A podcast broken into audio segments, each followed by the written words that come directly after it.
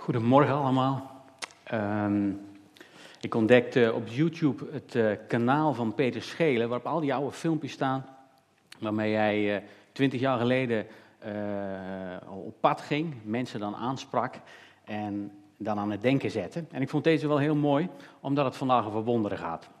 Ehm, en ik weet niet hoe het twintig jaar geleden was, maar wist je dat de meerderheid van de Nederlanders gelooft in wonderen? Museum Katerijnenconvent liet een onderzoek uitvoeren. En daaruit bleek dat 63% van de mensen in wonderen gelooft. En dan is een wonder een uh, wetenschappelijk onverklaarbare of bovennatuurlijke gebeurtenis. Uh, en niet iedere Nederlander die in wonderen gelooft, gelooft ook meteen in God. Dat zie je natuurlijk ook aan het filmpje uh, van, van Peter Schelen. Een wonder alleen, een onverklaarbare gebeurtenis, is vaak niet genoeg. Maar het zorgt er wel voor dat mensen gaan nadenken. Um, ik ben uh, Sil de Graaf. Ik zal me even voorstellen, de meeste mensen kennen me wel, maar uh, misschien toch goed om uh, iets over mezelf te vertellen. Ik ben getrouwd met Lian, de zangeres die jullie net zagen en heel mooi kan zingen. Um, en ik heb vijf zonen. Eén daarvan speelt basgitaar, die stond hier op de rode gitaar te spelen. En die drie anderen zitten daar, op het tweede rijtje. En er is er eentje niet, dus uh, ze zijn uh, bijna allemaal aanwezig. En in het dagelijks leven uh, werk ik voor mezelf en ik zet projecten op om mensen die werkloos zijn aan werk te helpen. En ik ben een heel druk manneke, ik hou ervan om hard te werken. en af en toe sla ik daarin do door en dan word ik een beetje gecorrigeerd door Lian. En, en ik ben iemand die graag touwtjes in handen heeft. En ik ga spreken over het volgen van Jezus en het overgeven aan Hem.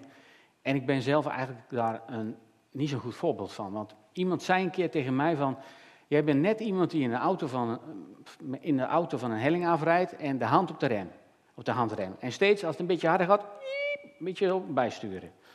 Um, um, dus ik, ik, kom daar nog op terug. Um, ik sta hier voor de eerste keer. En uh, ik moet zeggen, ik zag er wel een beetje tegenop. En ik heb er gewoon heel veel zin in gekregen. En ik voelde me echt gedragen vanochtend. Deze voor me gebeden. En uh, uh, nou, ik had echt zoiets van, yes. Um, en een van mijn favoriete uitspraken, die schoot door mijn hoofd net, is dat God met een kromme stok toch een rechte slag kan maken. Dus hè, het hangt gelukkig niet van mij af. Ik ben dan die kromme stok, hè. Um, ik ga het hebben over wonderen.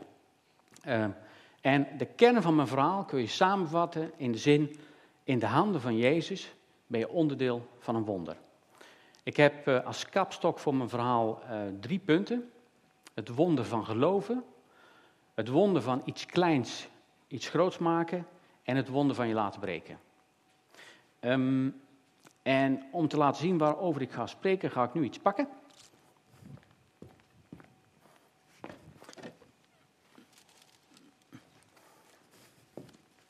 Wat denken jullie dat hierin zit? Heel goed. Kijk eens, hier zijn de vijf, de beroemde vijf broden en twee vissen. Beelden doen altijd veel, heb ik geleerd, dus vandaar. Ik ga even kijken waar ik gebleven ben. Um, ik wil graag uh, uh, mijn verhaal ophangen aan een tekst uit de Bijbel, met name het stuk tekst uit Johannes 6, vers 1 tot en met 13.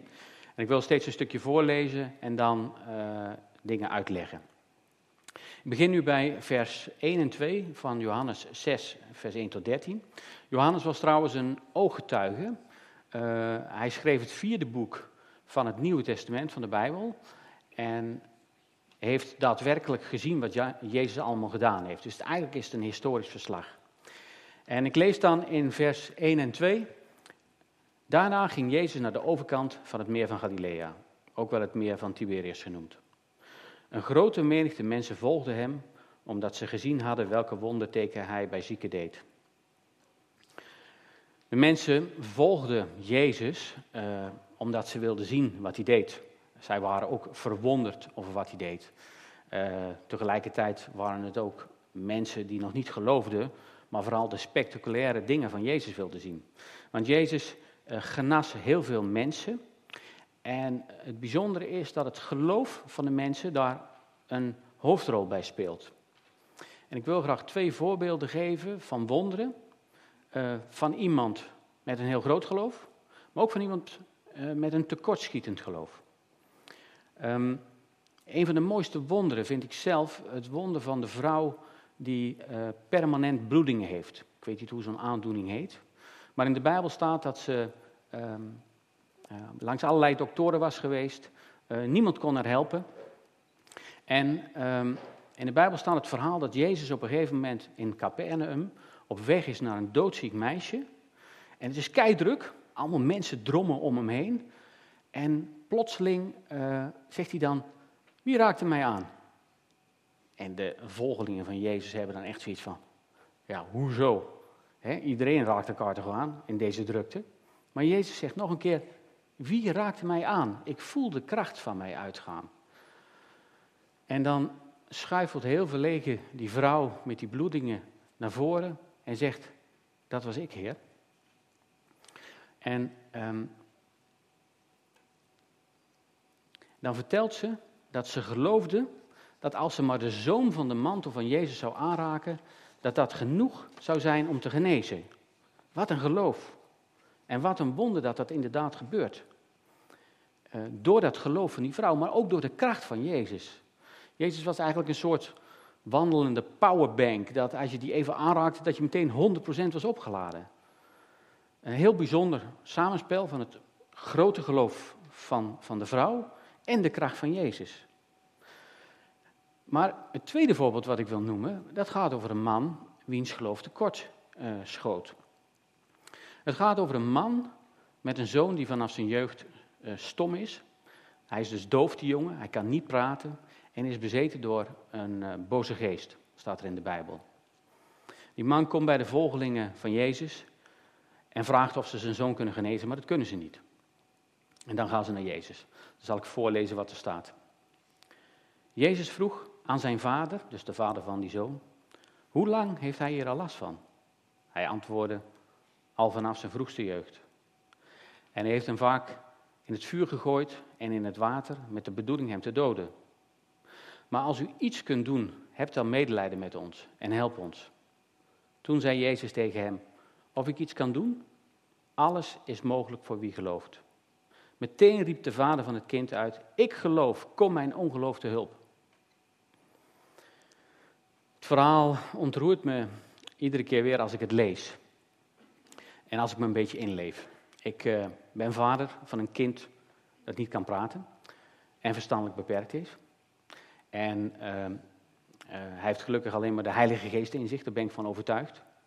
Ehm, hij gaat namelijk heel graag naar de kerk en eh, we ontdekten vorige week nog dat hij, eh, hij, hij op, zijn iPad is hij altijd allerlei filmpjes aan het bekijken. En op een gegeven moment hoorden we constant orgelmuziek. En toen was hij op, op, aan het zoeken op kerk en toen was hij allemaal kerkdiensten aan het aanklikken. Dus het zit helemaal snor met Bart. Um, maar dan terug naar die tekst. De wanhoop van die vader. Ik geloof, kom mijn ongeloof te hulp.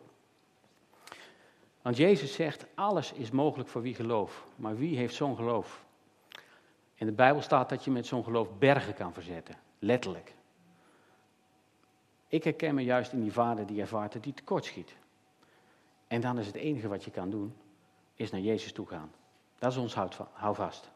Hij komt je ongeloof en je kleingeloof tegemoet. Hij geneest de jongen die verdood blijft liggen, strekt zijn hand uit en trekt de jongen omhoog. Dat is dus ook het wonder van geloven. Het hangt niet af van de grootte van je geloof. En toch speelt het geloof een belangrijke rol in de wonderen van Jezus. Hoe het precies is, weten we niet. We weten wel één ding. Uh, Jezus roept ons op om te geloven. En twee, geloof is ook een gave van God. Die je krijgt en het is niet je eigen verdienste. Dus vraag God als je tekort schiet om uh, je ongeloof tegemoet te komen. Um, ik wil graag naar het uh, tweede punt gaan. Um, het wonder van iets kleins iets groots maken. Ik lees weer uh, verder in de tekst. Jezus ging de berg op en ging daar met zijn leerlingen zitten. Het was kort voor het Joodse Pesachfeest. Toen Jezus om zich heen keek en zag dat die menigte naar hem toe kwam, vroeg hij aan Filippus: Waar kunnen we brood kopen om deze mensen te eten te geven? Hij vroeg dat om Filippus op de proef te stellen. Want zelf wist hij al wat hij zou gaan doen. Filippus antwoordde: Zelfs 200 denari zou niet voldoende zijn om iedereen een klein stukje brood te geven. Een van de leerlingen, Andreas, de broer van Simon Petrus, zei: Er is hier wel een jongen met vijf gerstebroden en twee vissen.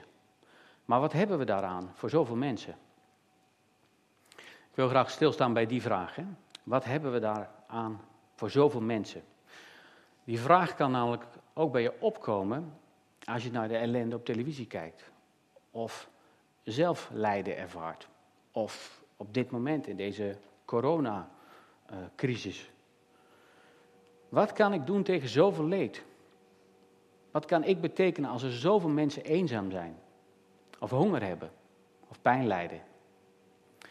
De organisatie uh, IEM, International Justice Mission, is een uh, wereldwijde organisatie die uh, zich inzet tegen slavernij. Ze geven aan dat er wereldwijd 50 miljoen slaven zijn. Dat er 50 miljoen, miljoen mensen leven als slaaf. Hoezo afschaffing van slavernij? Ze laten ook regelmatig zien hoe verschrikkelijk kinderen misbruikt worden in de seksindustrie. En hoe ze kinderen bevrijden uit bordelen. Echt afschuwelijk. Hoe ga je om met het onbeschrijfelijke leed? Als je daarmee geconfronteerd wordt. Het is, het is dan logisch of, of vanuit zelfbescherming kun je dan wegkijken. Of je raakt afgestomd. Maar eigenlijk kun je ook maar één ding doen. En dat is met die ellende naar Jezus gaan. Als je machteloos voelt, als je gaat er niet bij de pakken neerzitten, maar focus ook weer op Hem. Kijk maar, ik ga verder lezen. In vers 10 lezen we. Jezus zei: Laat iedereen gaan zitten. Er was daar veel gras en ze gingen zitten. Er waren ongeveer 5000 mensen. Jezus nam de broden, sprak het dankgebed uit en verdeelde het brood onder de mensen die er zaten. Hij gaf hen ook vis, zoveel als ze wilden. Toen iedereen volop gegeten had, zei hij tegen zijn leerlingen: Verzamel nu de overgebleven stukken brood, zodat er niets verloren gaat. Dat deden ze en ze vulden twaalf manden met wat overgebleven was van de vijf gerstebroden die men had gegeten. Zodat er niets verloren gaat. Dat is nou een vers naar mijn hart, mannen. Jullie weten dat ik een hekel heb aan eten weggooien. Dus als de jongens brood weggooien, doen ze dat op het moment dat ik niet kijk. En dan uh, in overleg met Lian. um, maar hier een mooi voorbeeld, hè? geen eten weggooien. Ik uh, wil even een kort filmpje laten zien als een soort intermezzo en daarna ga ik uh, weer door.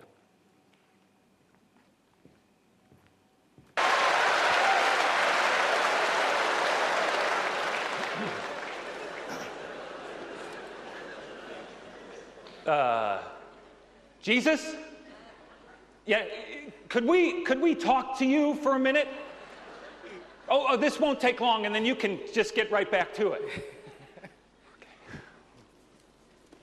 Oh, yeah. Uh, we were just thinking that, that these folks have been here all day, and it's getting close to supper time, and we thought it might be a good idea for you to, to, to send them home so they could get something to eat. Beg your pardon?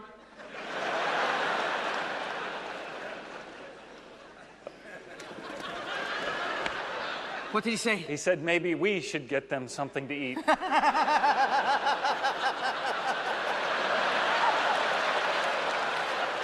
right.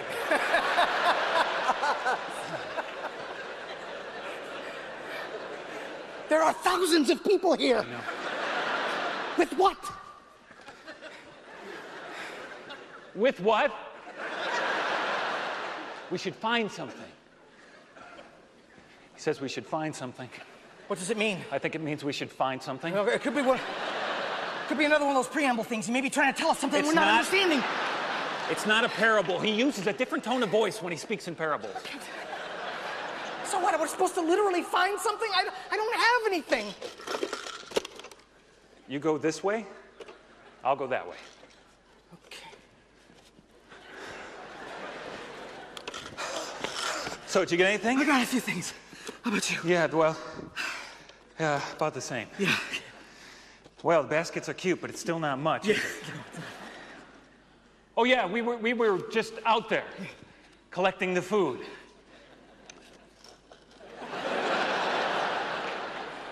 What did we get? Oh, um, Well, there's a the couple of fish, there's some bread, got some mint. Yeah, Dum Dum.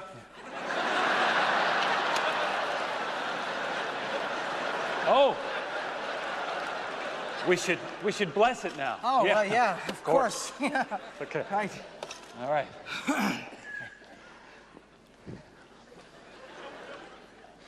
Amen. Amen. Amen.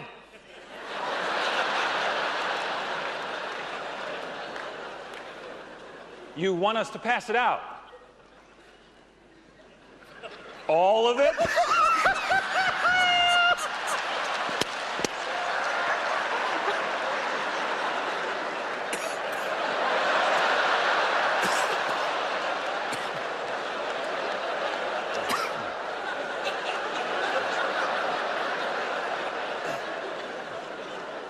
No, I didn't think that was very funny either, Lord.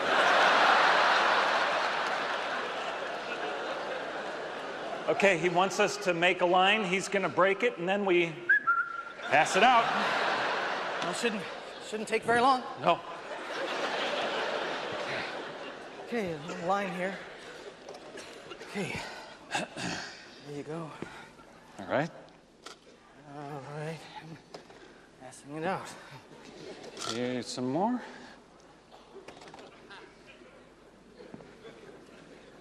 Hey, Andy.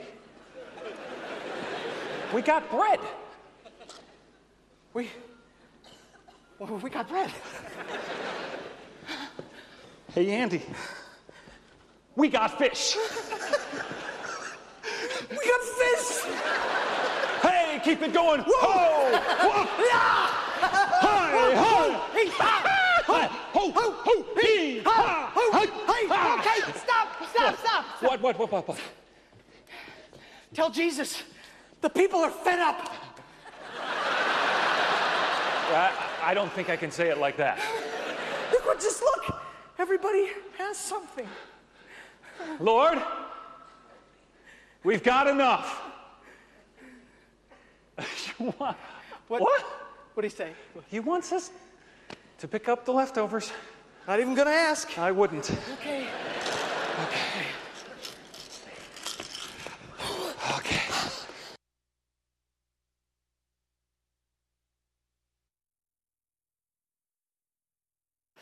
Heb dit eh, filmpje uitgekozen omdat het redelijk zeldzaam is. Een, een bijbelverhaal met heel veel humor uitgelegd. Ehm, en ik vond het ook eigenlijk mooi hoe de mannen dat wonder uitbeelden.